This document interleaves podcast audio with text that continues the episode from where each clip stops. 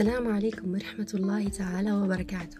أصدقائي نلتقي في بودكاست جديد الجزء الثالث من كتاب أشياء جميلة. اختبار الحياة. قبل أن يبدأ الشاب دراسته أراد معرفة اليقين من المعلم. هل يمكن أن تخبرني ما الغاية من حياة الإنسان؟ لا أستطيع أجاب المعلم. أو على الأقل معرفة المغزى منها. لا أستطيع.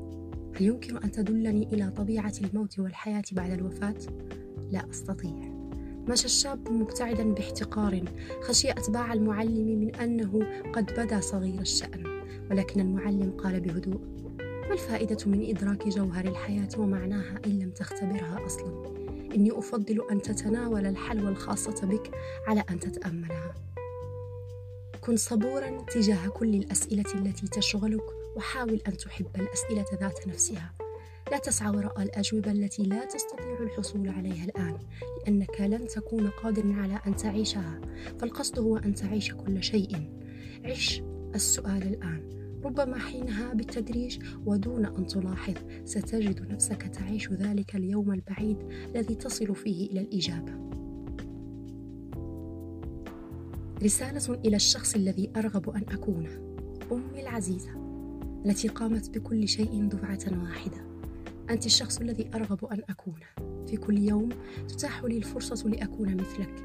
وفي كل يوم تتاح لي الفرصة لأكون الأم الأكثر اهتماما ولطافة ومحبة والتي لا تصرخ ولا تفقد صبرها. وفي كل يوم تتاح لي الفرصة لإعداد وجبات الطعام المطبوخة بإتقان ولابتكار أكثر الألعاب متعة وتثقيفا ولتنظيف المنزل بحماسة بياض الثلج وأصدقائها. ولكني أخفق في كل يوم بتحقيق إحدى هذه الأحلام. فإما أن يكون منزلي نظيفا ولكن أطفالي يشعرون بالملل أو يكون منزلي عبارة عن منطقة للكوارث ولكن أطفالي سعداء. إما أن أحضر طعاما منزليا شهيا وأجري صيانة للأجهزة المنزلية ولكن المطبخ في حالة فوضى عارمة. أتمنى أن أتمكن من تحقيق هذه الأمور كلها مجتمعة ولكن أيقنت بأنه لا أحد في هذه الحياة يستطيع أن يقوم بكل الأشياء مجتمعة. فوقتنا محدود للغاية ومرهون باستراتيجية اختيار فعل شيء واحد فقط في الوقت المحدد. وبالتالي فإن هذا يعني أننا نختار عدم فعل شيء آخر في الوقت عينه. قد يبدو ذلك واضحا. ولكن عندما أحاول أن أوازن بين كل الأمور معا فإن هذا يعطيني الشعور بأنني فاشلة. ولكن الحقيقة أنني لست فاشلة. لا أحد بعد كل يعد كل وجبة طعام بمفرده وينظف المنزل بكامله ويقوم بمساعدة أطفاله على حل الفروض المنزلية. إذ لا أحد يفعل ذلك في الوقت نفسه باستثنائي. فماذا لو استجمعت قواي وتوقفت عن لوم نفسي لعدم تحقيق المستحيل وركزت على ما يمكنني القيام به؟ ماذا لو أنني أضع أهدافا معقولة وأتوقف عن الهوس بإنجاز كل شيء؟ ماذا لو أنني أستمتع بالوقت الذي أقضيه مع أطفالي وهم لا يزالون أطفالا ولأدع الغبار يحدق بي؟ أصبحت الآن على يقين بأن القيام بكل شيء دفعة واحدة هو حالة ذهنية بحتة. فهل عقلي في حالة سلام؟